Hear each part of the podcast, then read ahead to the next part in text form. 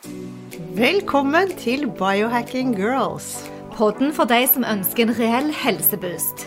Vi holder oss oppdaterte på siste nytt innen helseforskning og tester ulike dietter, fitnesstrender og mentale teknikker. Ja, bli med oss på en spennende reise der målet er å lære hvordan din kropp kan heales, hvordan du kan aldres i revers, og hvordan intuisjonen din kan styrkes, så du tør å stole på egne helsevalg. For tolv år siden så kunne jeg spise en hel pose med smågodt uten å stoppe. Hvorfor gjorde du det? Det skulle du bare visst. Og i dag skal det handle om sukkeravhengighet. Velkommen til Biohacking Girls. Velkommen til deg, Bente. Nå har vi hørt på podden din, vi har lest boken, og vi har stalket deg fordi du er så inspirerende. Vi digger alt du skriver og deler, og har så stor respekt for dette med sukker. Så vi ønsker deg velkommen, og så ønsker vi hvordan du havnet i denne situasjonen med sukker. Takk for hyggelig introduksjon. ja, altså det, Jeg tror veldig mange starter med en personlig erfaring. Altså mange, mange har det som bakgrunn, at man erfarer noe selv som gjør en stor forskjell. Og så får man inspirasjon til å hjelpe andre. Selv så har jeg skjønt at jeg har en sukkeravhengighet, og den kunnskapen har gjort så stor forskjell for meg.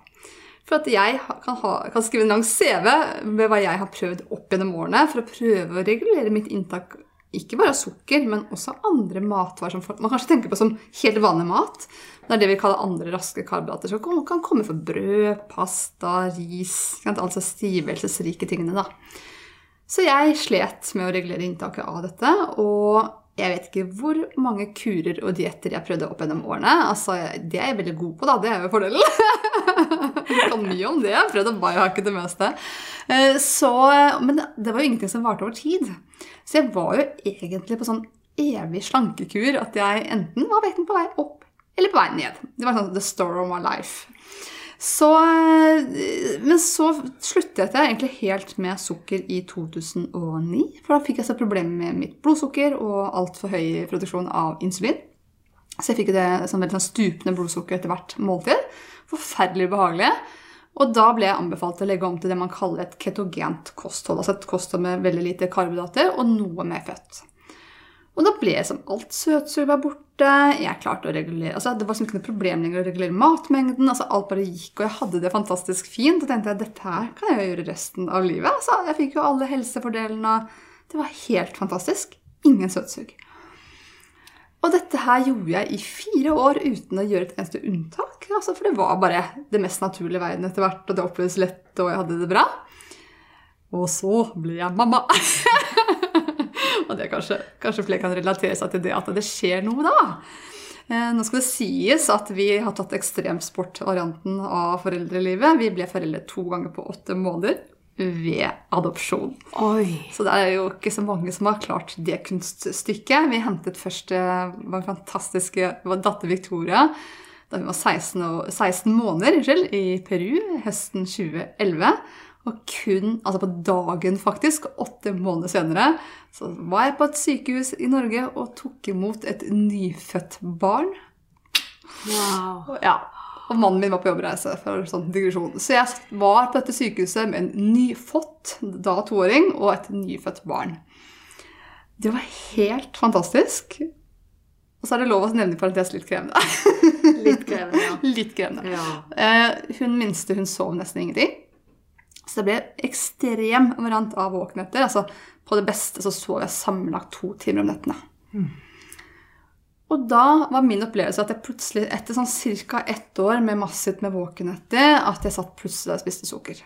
Og det hadde jo ikke jeg da gjort på fire år. Og var veldig forundra over hva skjedde da. Men så tenkte jeg ja, ja, liksom, nå har jeg vært flink så lenge, så det går sikkert bra. Men da klarte jeg aldeles ikke å stoppe. Jeg var helt ustoppelig. Og mengdene var plutselig også noe helt annet enn det var liksom de årene før da jeg hadde overspist sukker i perioder. Jeg, var, altså jeg, bestemte meg hver dag for at det her måtte jeg slutte med, men jeg klarte det ikke. Og jeg hadde utdannelse innen bl.a. ernæring, jeg var utdannet friskvernkonsulent, så jeg, for meg var det viktig å ha en god livsstil. Det var jo en av kjerneverdiene mine. Jeg spiste egentlig ganske sunt fra morgenene til kvelden, men på kvelden satt jeg da og spiste masse sukker, og til og med utover natta. Så det var, det var som å komme sånn der, i levende mar- mareritt. Jeg skjønte ikke hvordan jeg, hvorfor klarte så mye annet i livet, men det her var jeg helt maktesløs på. Og til slutt så kom jeg over kunnskap om sukkeravhengighet, og da var det som om det var noe som bare liksom tikka inn alle bokser i huet på meg. Så jeg skjønte jeg, jeg kjenner meg igjen i det, og i det, og i det. Så alt stemte på en prikk. Dette er jo beskrivelse av hvordan jeg har hatt det. Og da fant jeg på en måte også en løsning her. Det var det så fint. Men det fantes ikke noe hjelp for Norge, så jeg måtte da reise til Sverige for å få hjelp selv, da. Men Kunne du forklare litt hvordan du følte det? Hvordan du følte deg både fysisk og mentalt? For det er jo utrolig interessant. Ja, altså Det som er klassisk hvis man har en sukkeravhengighet, da, som veldig mange kjenner seg igjen i, er jo det der, altså, snakker, Alle snakker om søtsug, og det kan egentlig alle oppleve. Fordi man kanskje har litt dårlig kosthold, som består av litt for stor andel karbohydrater, får et svinnende blodsukker. Når blodsukkeret er på vei ned, så vil man gjerne ha et eller annet påfyll, og det er ikke kokt torsk. Det er gjerne noe søtt. Eller noe med mye karbohydrater generelt.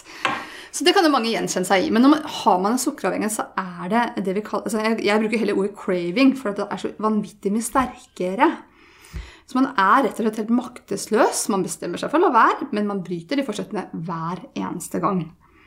Så det er som ett tegn at du bestemmer deg for noe, men du bryter det hver gang på gang på gang. Du er sånn totalt ute av kontroll. I tillegg så er det et annet klassisk tegn. Det er jo at man ofte gjemmer og smyger. Hvorfor gjør man det, da? Og dette er jo det også kanskje mennesker med for avhengighet av alkohol gjør. Så jeg husker på et eller annet tidspunkt at jeg Ja, men Bente, er ikke det, er ikke det jeg driver med nå, liksom akkurat det en alkoholiker gjør? Altså en som er avhengig av alkohol?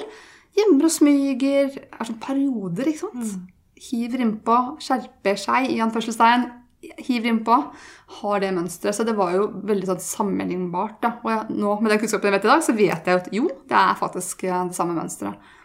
Så det er jo ett tegn. Men så er det også det, det fysiske rundt det. At det gir jo konsekvenser. De er ulike fra person til person, fordi at, det vet jo dere også, dere som har så mye kunnskap om helse, at vi har forskjellige forutsetninger. Så noen er jo mer sårbare for å utvikle overvekt, men alle gjør jo ikke det heller. Men jeg gjorde det. Eh, noen utvikler diabetes 2, noen får jo betennelser, inflammasjoner, mye hodepine.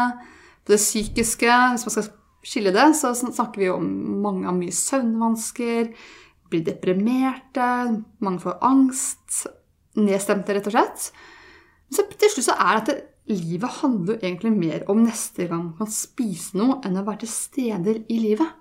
Og det tenker jeg nesten er den verste konsekvensen av det hele. At hjernen hele tiden er på høygir og bare fokuserer på når kan jeg neste gang få fylt på noe for å fjerne det ubehaget man har. Fordi man har en illusjon om at man koser seg med sukkeret. Men det er ikke det man gjør. Det er å fjerne et ubehag som man egentlig ikke skulle vært der. Ja, og det, det, altså, å være i den der sympatiske staten hele tiden, som du da i nervesystemet ditt, at du hele tiden er i fight or flight, det er jo ikke sunt for noe. Altså, uavhengig av sukker, så er ikke den staten Nei, ikke sant? Og det, det, det, det vi lurte på nå, var om du kunne da definere og forklare hva denne avhengigheten er for noe, sånn generelt over, over alle. Ja. Fordi de er jo like uansett hva det er, har jeg skjønt. Om det er sukker eller alkohol eller shopping, så er det Ja. Ja, sånn at vi gjenkjenner det, rett og Ja. slett. Ikke sant? De som lytter på, Ja. kan kanskje gjenkjenne noen ting. Ja. Eh, Det, det vi kan si som for å legge disse forutsetningene for å henge med på samtalen, det er jo at eh, vi snakker om at all avhengighet henger sammen. Og da deler man det her inn i to ulike lære. Altså Man snakker om ulike utløp eller uttrykk for avhengighet. Og Da deler man det i to, og det er det man kaller prosessrelatert, og det som kalles inntaksrelatert avhengighet. Inntak det er jo nettopp litt det vi har vært innom nå, sånn sukker og andre raske karbohydrater. Men så kan det være alkohol, det kan være piller, det kan være narkotika, koffein, nikotin. Når det gjelder prosesser, da snakker du om sånn man, altså atferd du ikke har kontroll på. At man gjør for mye av noe, sånn at det går på bekostning av livet. går på bekostning av helsen. Og det kan, det kan være overtrening. Det kan være overjobbing, eh, overshopping. Det kan være sex. Det kan være skjermer, internett, spill med og uten penger.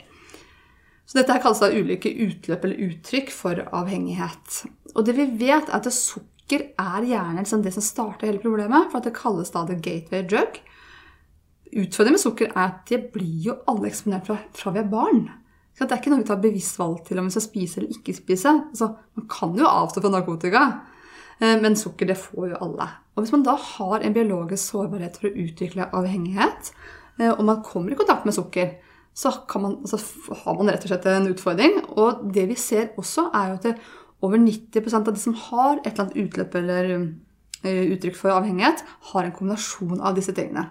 Så det mange kan gjenkjenne seg i da, når vi snakker om det med sukkeravhengighet, at det, når vi snakker om dette, så sier de ja, men jeg vet du hva, nå skjønte jeg jeg har jo egentlig flere utløp.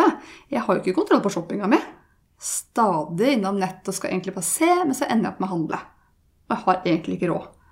Jeg får kanskje mye sånn kaos i økonomien, har ikke altså, 1001 kredittkort og ulike avtaler.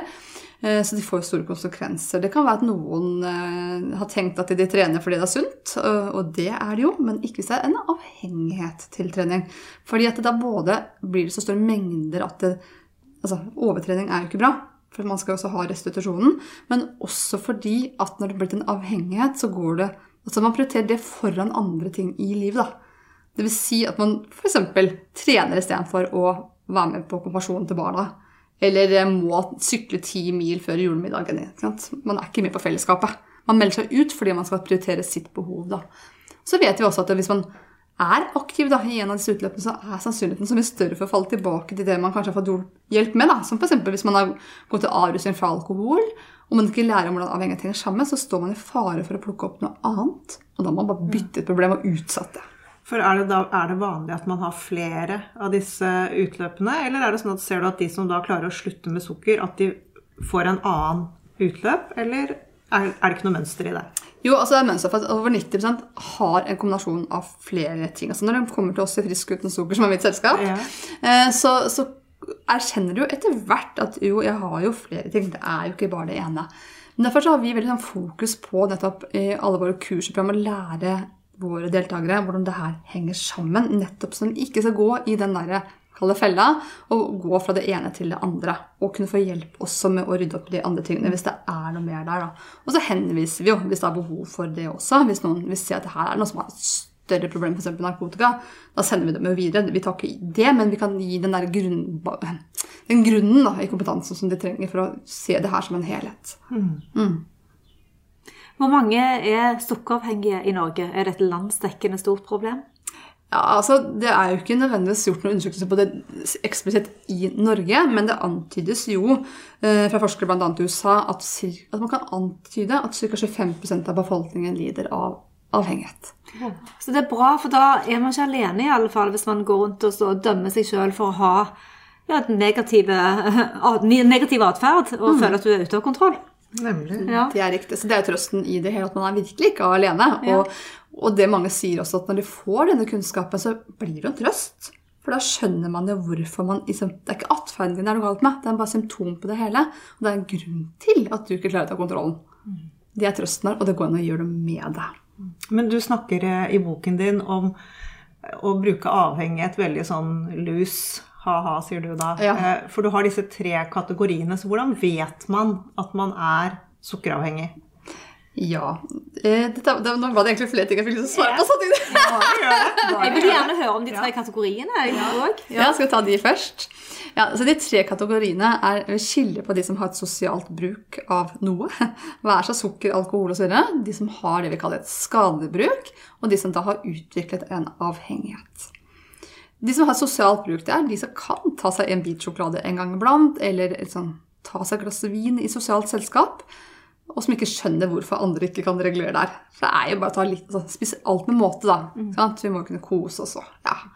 Men de liksom, er ikke opptatt av det utover det, og de får jo veldig sjelden også problemer med livsstilen, for at de er så moderate på alt de gjør. De overdriver jo ingenting. Så har vi de som kaller det et skadelig bruk, og det er nok der mange blir forvirret med tanke på avhengighet. Og mange snakker ja, jeg sa avhengig av sukker. Ja, men det er ikke sikkert du er det. Eh, la oss stoppe litt. Det er det ikke sikkert du er. Og da er det en god nyhet. De som har skadebruk, det er jo de som har et overforbruk. Det kan være i faser, liv eller perioder. Det kan være livssituasjonen som gjør det. Si du har en jobb hvor du reiser mye, da, så blir det liksom mye kjappe, lettvinte løsninger. Og det kan jo gi livsstilsproblemer. Eller sånn som meg, blei mamma. Hadde jeg ikke hatt avhengighet, så kunne jeg likevel hatt et skadebruk for at jeg var sliten og trengte å trøste meg litt og fylle på. ikke sant? Det kunne jo like gjerne vært det. Men det som er med disse som har kun da, et skadelig bruk, er at hvis de enten selv finner ut at vet du hva, jeg må gjøre en forandring, eller en lege påpeker at du må faktisk gjøre noe med helsa di, så klarer de det ganske greit. Og de har fortsatt også en fleksibilitet. At hvis de kommer i et selskap, så kan de smake på litt sukker eller om det skal være alkohol, uten at det gjør at de faller helt av lasset. Mm. De kan bare fortsette den livsstilen da. Går, det går bra, liksom. Mm. Mm. Men så har man de som da har en avhengighet til sukker eller andre ting. Det handler veldig mye om genetikk og en biologisk sårbarhet for å utvikle avhengighet. Og Da er belønningssenteret aktivert. Og det er en kronisk tilstand. Det er ikke reversibelt. Mm. Så man kan på en måte ikke være tidligere sukkeravhengig. Da har man det avhengig, så har man det. Men man kan leve det vi kaller tilfriskning fra det. Så man blir symptomfri og kan få et utrolig godt liv. Jeg må si at Vi som biohackere da, vi tror jo at vi kan påvirke genenes uttrykk. Så selv om det er genetisk betinget, som da er ca. 25 mm. så tror vi at vi kan eh, hacke oss til eh, og klare å manøvrere det på en positiv måte. Så det, det ligger mye optimisme i å være biohacker. Ja, og det, helt, det, det deler jeg det 100 med dere. For det er jo ikke sånn at eh, fordi om man har en genetisk sårbarhet for hva som helst, altså hvilken sykdom, så det betyr ikke at du, at du utvikler det. Det vet f.eks. genetikk, f.eks. kreft. da. Så kan det ligge i familier, men hvis jeg vet at jeg er sårbar for det, og jeg gjør noen andre valg enn de andre i min familie, så er det ikke sikkert jeg utvikler det. så det er jo riktig. Men det vi snakker om, er at hvis måte, avhengighet er etablert og i belønningssenteret, da er det per dags dato ikke, så vidt jeg kjenner til, og andre forskere, det er en reversibel prosess. Og grunnen til at man utvikler det, har mye med biologi og gener å gjøre. Mm. Men definitivt kan man jo på en måte påvirke det. Altså, miljø, altså miljøet også. Hadde jeg vokst opp på en øde øy og kun spist naturlig mat, jeg hadde jo ikke utviklet en sukkeravhengighet. Det hadde jeg ikke gjort. Men fordi det er en kombinasjon av en genetikk og det miljøet jeg lever i, den eksponeringen jeg ble utsatt for, så gir det andre forutsetninger. Så kan du si at det er bakgrunnen, sant? Men mm. så har du òg den eh, ja, rollen som vi har som eh, påvirker og foreldre. og at når du går og handler, så kan man minimere, eh, for man vet at sukker er såpass avhengighetsskapende. Sant? Absolutt. Man, og det er jo det jeg ønsker å få noe ut med også. fordi at det å forstå at man kan påvirke det her både positivt og negativt. Ja. Og da vi var barn, for jeg tror vi er sånn ikke så ulik alder, så, så var det jo ikke så mye sukker tilgjengelig heller. Eh, da, da hadde nok vi mer enn f.eks. For foreldregenerasjonen vår, altså min mamma, som er født i 1940. Mm. Hun forteller at hun fikk smake appelsin én gang i året. Det var en halv appelsin. Moren min òg. og tenkte, vi, vi svømmer jo i sukker i dag i forhold. Så det er klart at hvis man blir massivt eksponert for noe man eventuelt har en sårbarhet for å utvikle avhengighet til, så er sannsynligheten stor for at man gjør det i mye yngre alder. Og det er veldig alvorlig hvis man utvikler det som barn. fordi da er jo hjernen i, i ombygging, den er, former seg og vokser. ikke sant? Og hvis man da liksom, hjernen har blitt avhengig av noe i, som barn, så er jo det utrolig negativt. Men jeg fikk lyst til å dele noe, for jeg er vokst opp på 70-tallet da, og, og SO-en var åpen mellom 12 eh, og 2 på søndagene. sant? Det var da vi kunne kjøpe godteri i helgene. Men så hadde vi da en liten sånn godtebutikk, og jeg fikk én krone til å kjøpe for salt, søtt og syrlig. Det var ikke mange små sånne drops oppi den posen der, men siden vi hadde tannleger i familien, så, så var liksom forbudet på sukker så stort hjemme hos oss at ja. jeg fikk kokosnøtt eh, på lørdag kvelden og kom. Men det gjorde til at jeg hadde behov for mer sukker da jeg ble sånn 15-16 og spiste mm. mer enn det jeg trengte. Så det er jo alltid eh, bilder i alle retninger her. Ja, ja, ja. Altså, dette er så komplisert og sammensatt. Hva er fysiologi, og hva er psykisk Altså, det, det er sammensatt. Og ja. jeg tenker jeg at jo mer jeg lærer, jo mer ydmyk blir jeg jo. Og, alle jeg har jobbet med også, så vil det alltid dukke opp noen som avviker fra annen, altså et eller annet mønster. Mm. Så tenker jeg med i all verden altså, og så må man gå dybden på det. da. Hva kan det handle om? At dette stemte jo ikke med fasiten. Ja. ikke sant? Så det er jo, Og den ydmykheten tenker man alltid skal ha med seg. Mm. Mm. Fikk du mye sukker da du var barn av dette? Nei, ikke jeg heller. Men uh, jeg var jo veldig glad i det settet, for å si det sånn. Mm. Så ja. ja. absolutt. Men uh, det var ikke noe sånn Nei. Vi fikk ikke mye. Ja. Så jeg, husker, jeg jobbet med Jesper Juel eh, da vi skrev en bok for mange år siden. og da da sa jo han at han var veldig imot sånne godtelover. fordi at eh, med en gang man, tar, man lager et forbud rundt ting, så blir det mer attraktivt. Hjernen vil crave mer det du ikke får lov til å ha. Hva tenker du i forhold til sukker? Jeg, jeg tenker igjen ja, at det fins ikke ett svar på dette. For at vi som individer er forskjellige. For jeg har hørt den teorien om at hvis ting blir forbudt, så kan det bli ekstra interessant. Og ja, det kan skje. Men så hører man også om barn som sier at ja, i min oppvekst hadde vi nesten ikke sukker. Derfor har jeg aldri, har jeg aldri vært opptatt av det. Mm. Så jeg, jeg, tror ikke det fins ett svar på det. Men jeg tenker at hvis man skal prøve å ha noe sunn brems på, så handler det jo veldig mye om hvordan vi formidler det som foreldre. Og det er jo mange som tror at fordi at jeg er som hun frisk uten sukker, så fins det ikke sukker i mitt hus. At barna aldri rører sukker. Ja, det, det tror jeg. Ja. Men det, det, jo da, de, får faktisk lørdagsgodteri. Men jeg prøver å bruke en sunn fornuft eh, i totalen her. Mm. At når vi kjøper produkter, så, så, ser jeg på innholdsfortegnelsen så prøver jeg å velge de som måtte inneholde mindre sukker. Og det merker ikke mine barn forskjell på. De vet jo ikke at jeg har gjort et valg for dem egentlig på butikken allerede. Og når det gjelder lørdagsgodteri, så har vi jo en mer begrensa mengde enn jeg ser enkelte andre familier velger. Og jeg syns jo det har blitt en trend i samfunnet nå at mengden har økt litt sånn ubevisst hos mange. Jeg ser det på halloween. ikke sant? Før så delte man ut én liten ting til hvert barn. Fordi man vet at de skal innom 40 dører. Mm. Men nå ja, det er det mange som utleverer store mengder. Og det tenker jeg at vi som foreldre kan gjøre noe med. Eh, et annet eksempel. Min ene datter skulle på noe avslutning på skolen. Og så fikk jo alle foreldrene samme beskjed på skolen. Du kan ta med én liten godteting hver. Så kan man diskutere om, det, om man ønsker det eller ikke. Men i hvert fall tenkte jeg én en liten godteting. ja, men det er sånn type eventyrsjokolade for meg. er det en liten godteting. Så kom det en uh, klassekamerat innom oss på morgenen som skulle ta følge med datteren vår til skolen. Så viste hun frem det godteriet hun hadde hjemmefra. Og det var to ganske store poser som inneholdt altså, Jeg tror det var sånn typ 500 gram godteri. Da tenkte jeg er det lite godteri? det er jo Da må man bare definere bedre. Ja, da, da, ja. det må man. Så det, så det, er det jeg tenker det handler om en bevissthet som ikke nødvendigvis altså, fordi det, Da vi vokste opp, det var jo ikke det var ikke like mye godteri. Og ja, noen blir mer opptatt av det, men absolutt ikke alle. Så jeg tror ikke vi kan generalisere, men det er noe med hvordan vi formidler det pedagogisk. da. Oppleves det som forbudt, eller er det vi som bruker sunn fornuft? Mm. Mm. Men dette med kunstig søtning, vi har jo også veldig mye av det nå. Hvordan, hvordan, eh, hva tenker du om det? Nei, altså jeg tror ikke det har løst et eneste problem for noen. skal jeg være helt ærlig. Eh, det er jo bare en måte å prøve å kamuflere seg til dette her inneholder ikke kalorier. Dermed så kan du spise så mye du vil av dette. Eller drikke så mye du vil av dette. Og det er klart at Brusprodusentene de tjener gode penger på det her. For hvis folk var redd for sukker, så hadde de kanskje drukket vann istedenfor.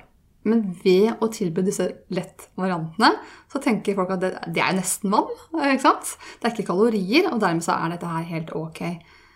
Men jeg tror at i fremtiden så vil vi få enda flere svar enn vi har i dag. Men det vi ser i vårt arbeid, daglige arbeid, er at det her skaper i hvert fall utfordringer for mange. Og jeg snakket med ei senest i dag, coachet ei, som fortalte at før hun kom til oss, så hadde hun drukket altså fem liter Pepsi Max hver dag. Og til og med stått opp om natta for å drikke det. Så spurte jeg henne men hvor mye drikker du sum altså av all væskedag? Nei, kanskje halvannen liter. Så var det ok, så det var ikke fem liter fordi du var så, tør, altså, du var så tørst. Det handle ikke om en tørste heller, kan det handle om hva det gjør med oss. Og har man i hvert fall utviklet en sukkeravhengighet, så vet vi at det her påvirker belønningssenteret på samme måte som, sukker. Ja, så blir like avhengig av det. Ja, og veldig mange syns det er mye tøffere faktisk å kutte ut disse tingene enn sukkeret.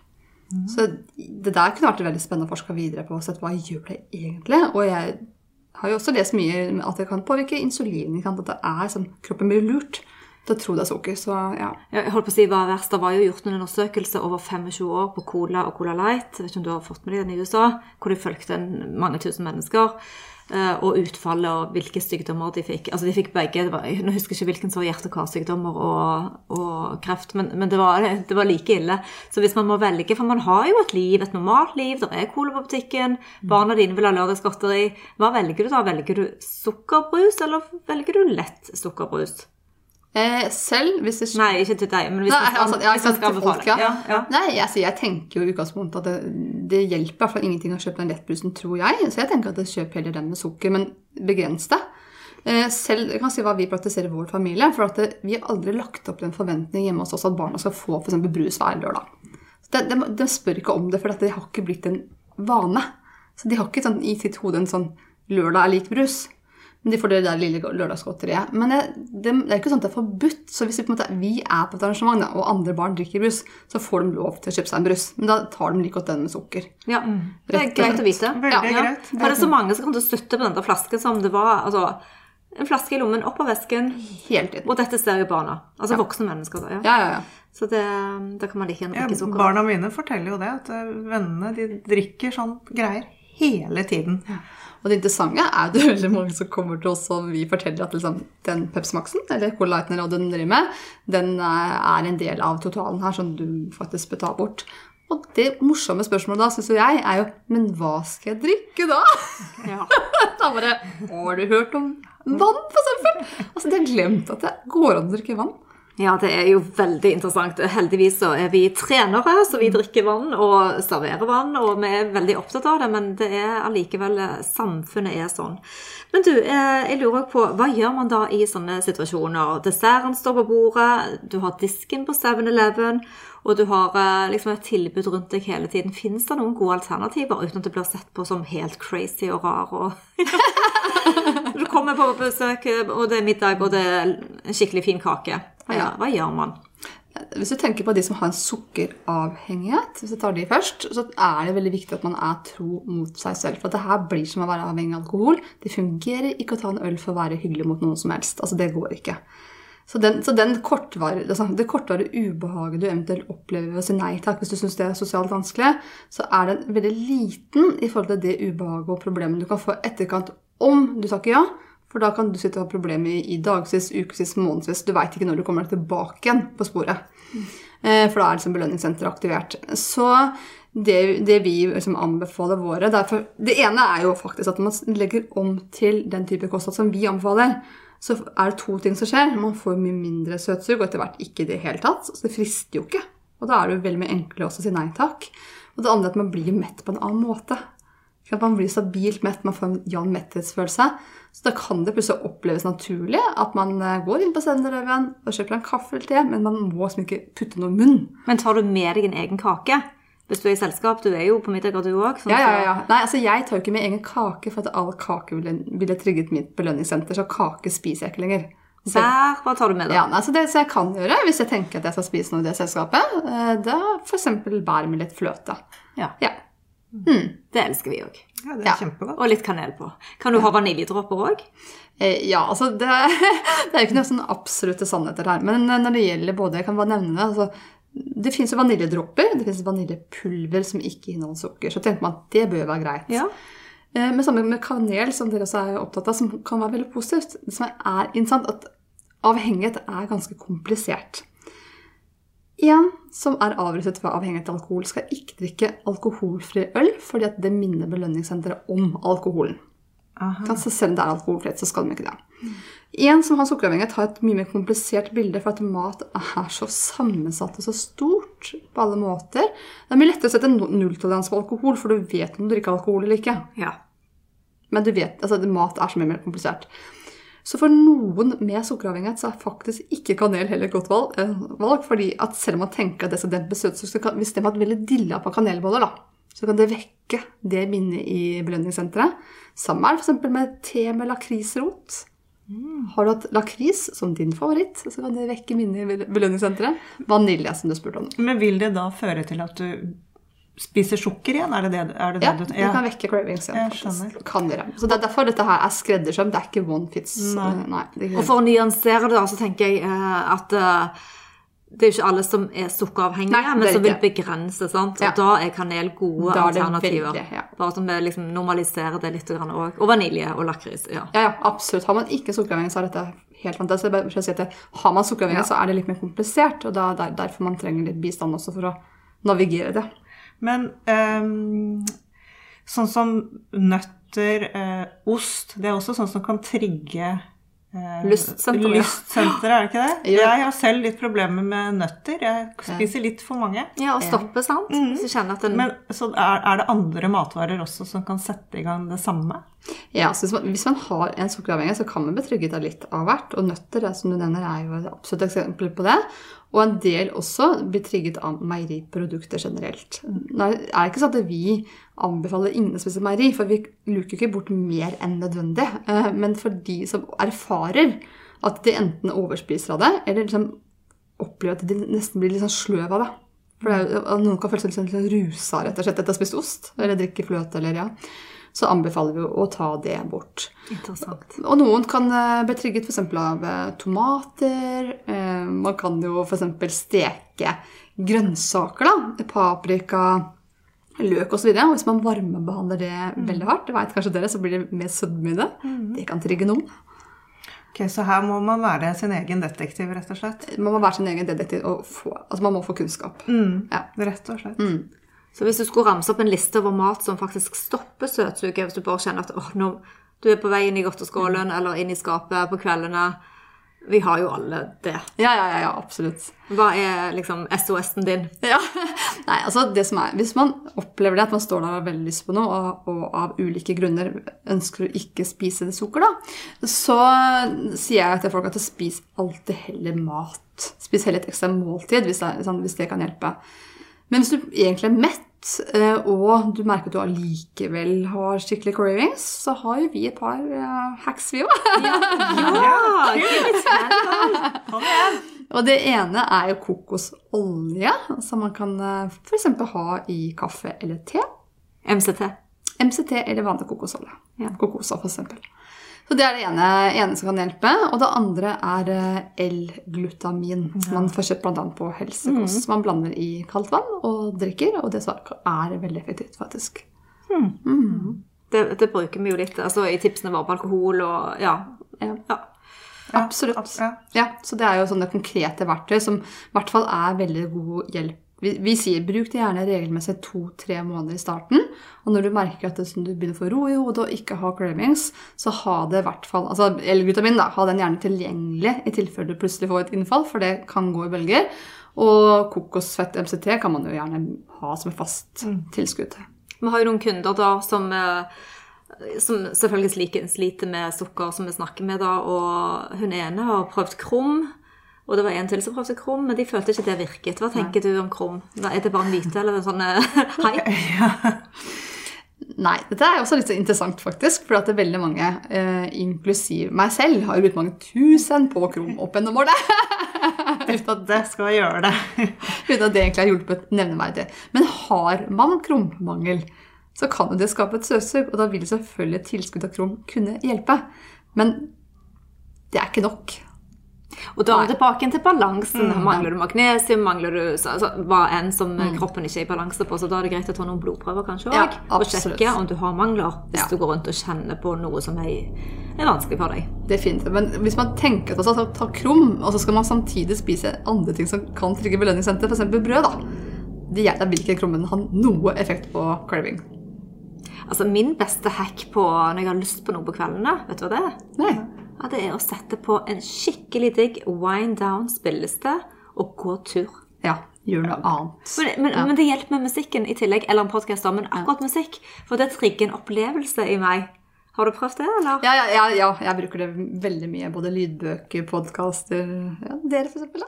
Ja. Like måte. kan være fin avledning, absolutt. Men også sånn, for meg er det litt sånn meditasjon i det. Altså det å kunne gå bare inn i min egen boble. Men det er absolutt en del av trikset her er jo å avlede seg med noe annet. Men samtidig det er det også mange som på en måte man kan gi mange råd, eh, men samtidig ett råd isolert sett trenger ikke å hjelpe. for Man må se det som en helhet. For hvis man fortsetter å spise noe som trigger belønningssenteret, så er man ikke i stand til å gjøre noe annet. For da er den cravingen så utrolig stor mm. at det er jo reptilhjernen som slår seg på, og den husker jo ikke på at du skal gjøre noe annet. Så man må gjøre ting i kombinasjon mm. her. Men um, når klokken blir fire, og man begynner å bli ganske sliten har du noen hacks da for hvordan du skal liksom takle den, komme hjem, barna kommer fra skolen, den perioden hvor man har det tøffest sånn eh, mentalt?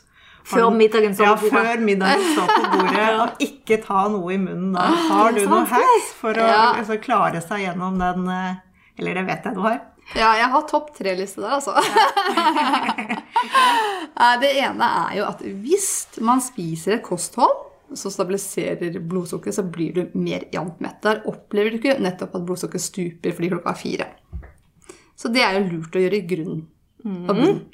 Det andre er at jeg snakker mye om dette med sånn, sånn viljestyrkebatteri. Kan alle bli tappet litt for kan, energi fordi vi møter på så utrolig mye ting vi skal forholde oss til. Bare åpne en mailboks aktiverer jo hjernen masse. fordi at hva er viktig, hva er ikke viktig, hva skal jeg svare på nå, hva er reklame? altså Bare der står vi og, tar mange valg. Så hver gang vi står i sånne situasjoner på en dag, så, så tappes jo dette vi kaller viljestyrkebatteriet. Så det å bare legge inn sånne mikropauser i løpet av dagen, og det kan være puste to minutter, ja, er nok til at du, når du kommer hjem f.eks til dette det maratonet med barna på ettermiddagen. ja, ja. Du skal handle, du skal lage middag, du skal hjelpe med lekser, aktiviteter. altså Jeg vet jo dette her. Så hvis du ikke er så sliten at det viljestyrkebatteriet er på et bånd da, så har du bedre forutsetninger. Og det tredje tipset er hvis du på en måte opplever deg sånn skikkelig trøtt. da, Så rett og slett ta en liten saltshot. Ta en halv teskje salt i et eh, glass vann, så kan det at du faktisk kvikner til litt. Dette er jo litt sånn biohacks òg. Ja.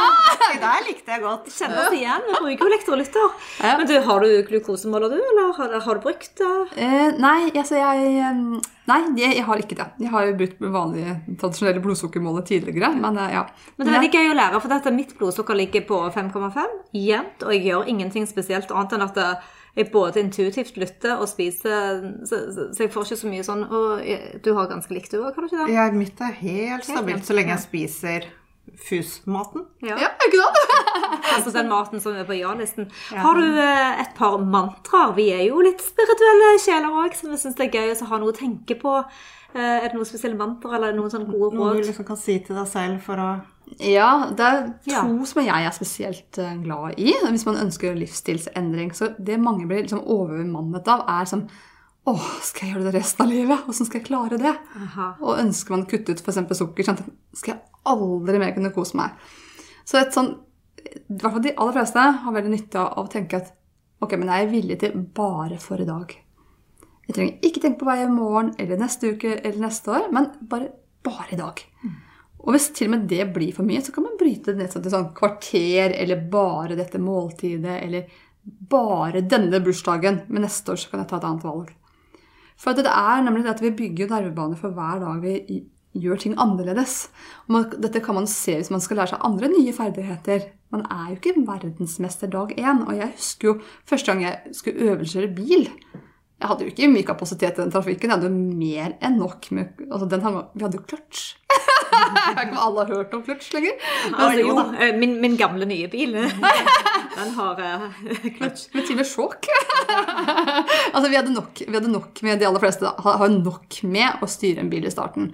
Man tenker jo ikke at man senere skal kunne kjøre i Oslo og drikke kaffe og snakke på telefon, selvfølgelig med sikre rutiner.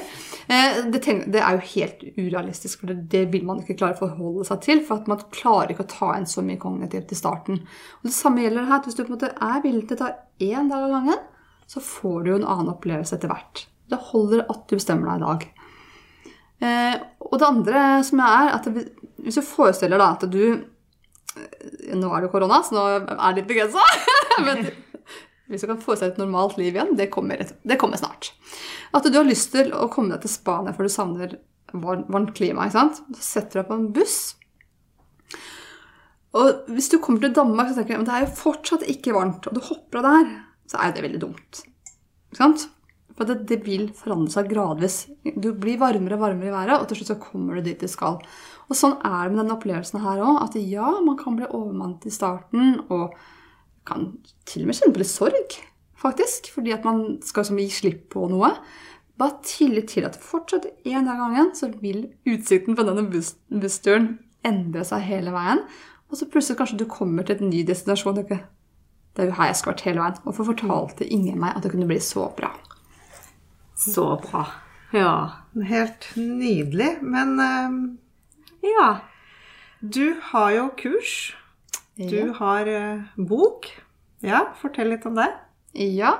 ja. jeg ga ut en bok på Gyllendal forlag i januar som heter 'Sukkeravhengig bli frisk uten sukker'. Den anbefales virkelig. Ja, så hyggelig.